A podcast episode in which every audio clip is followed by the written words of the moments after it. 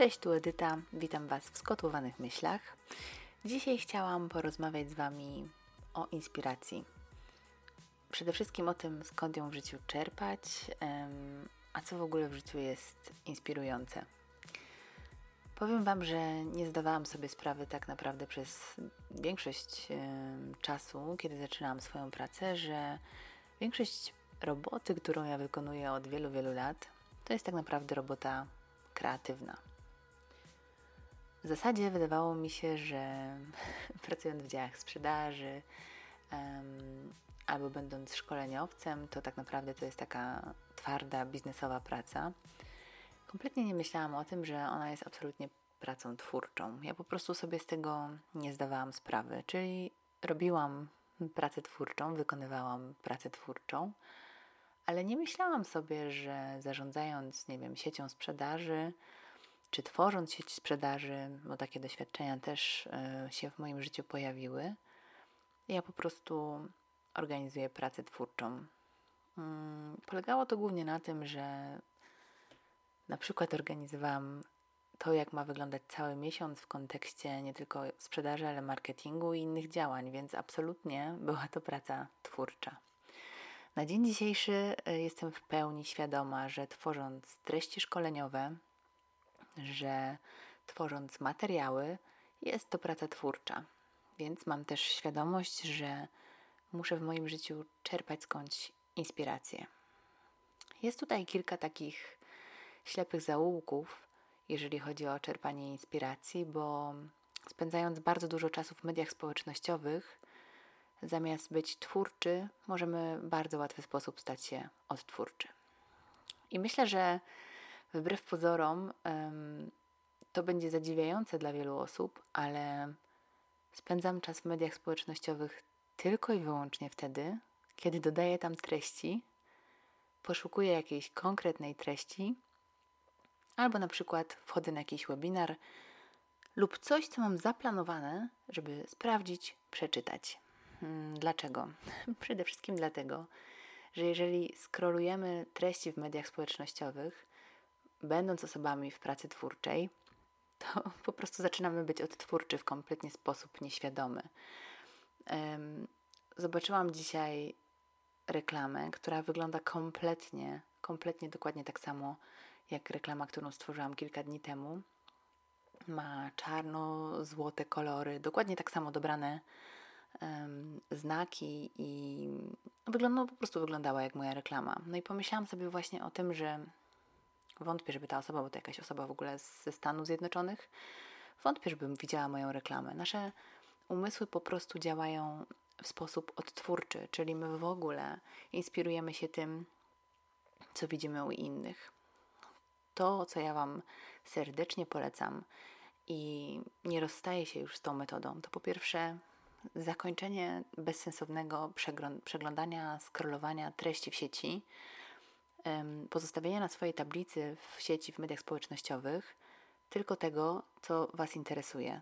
Nawet jeżeli Wasi znajomi prowadzą kanały, jeżeli one po prostu nie są jakby w obszarze Waszych zainteresowań, po prostu dajcie sobie spokój z obserwowaniem ich. Możecie raz na jakiś czas wejść, polajkować posty, zostawić komentarze, jeżeli chcecie być serdecznymi znajomymi, ale jeśli Was to nie interesuje, po prostu przestańcie to obserwować.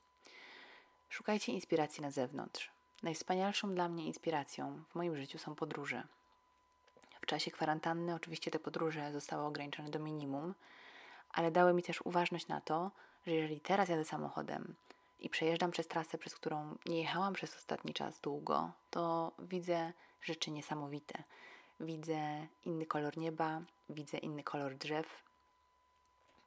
Bardzo mocno pracowałam nad moją uważnością przez właśnie cały okres kwarantanny i to pomogło mi na szukanie inspiracji w miejscach, które widziałam już dziesiąt razy, ale patrzę na nie teraz zupełnie inaczej. Bardzo fajnie mówił o tym Jacek Walkiewicz, mm, że podróże kształcą, ale nie wszystkich kształcą. I znam mnóstwo osób, które zjechały kawałek świata i niewiele to w ich życiu zmieniło, bo w podróżach nie szukały inspiracji, nie czerpały z tych podróży. To, na czym się skupiały, to mm, basen, drinki, i wylegiwanie się na słońcu, to powoduje, że takie podróżowanie absolutnie może nic nie wnieść do naszego życia. Tak, możemy zwiedzić cały świat, zobaczyć niesamowite miejsca i niczego to nie zmienia.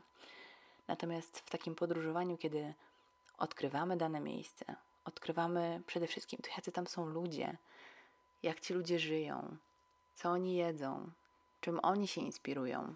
Poznawanie drugiego człowieka to jest najbardziej inspirująca i niesamowita rzecz w naszym życiu. I naprawdę zachęcam Was do tego, żebyście inspiracji do swoich działań, niezależnie od tego, co robicie, szukali poza swoim komputerem, poza mediami społecznościowymi. A to dlatego, że wtedy znajdziecie w sobie kreatywne pokłady. Wystarczy wyjść na spacer, pójść do lasu, po prostu pójść do środowiska, w którym ty się dobrze czujesz, bo być może ty nie czujesz się dobrze w lesie, może ty czujesz się świetnie w miejskiej dżungli. Ja zresztą też kocham na przykład spacerować po dużych miastach, one są dla mnie niesamowicie inspirujące. Być może to właśnie będzie dla ciebie dużo lepsza i dużo większa inspiracja w życiu, aniżeli scrollowanie tablicy na Facebooku czy Instagramie. Kompletnie wciągającym jest nowe medium um, TikTok.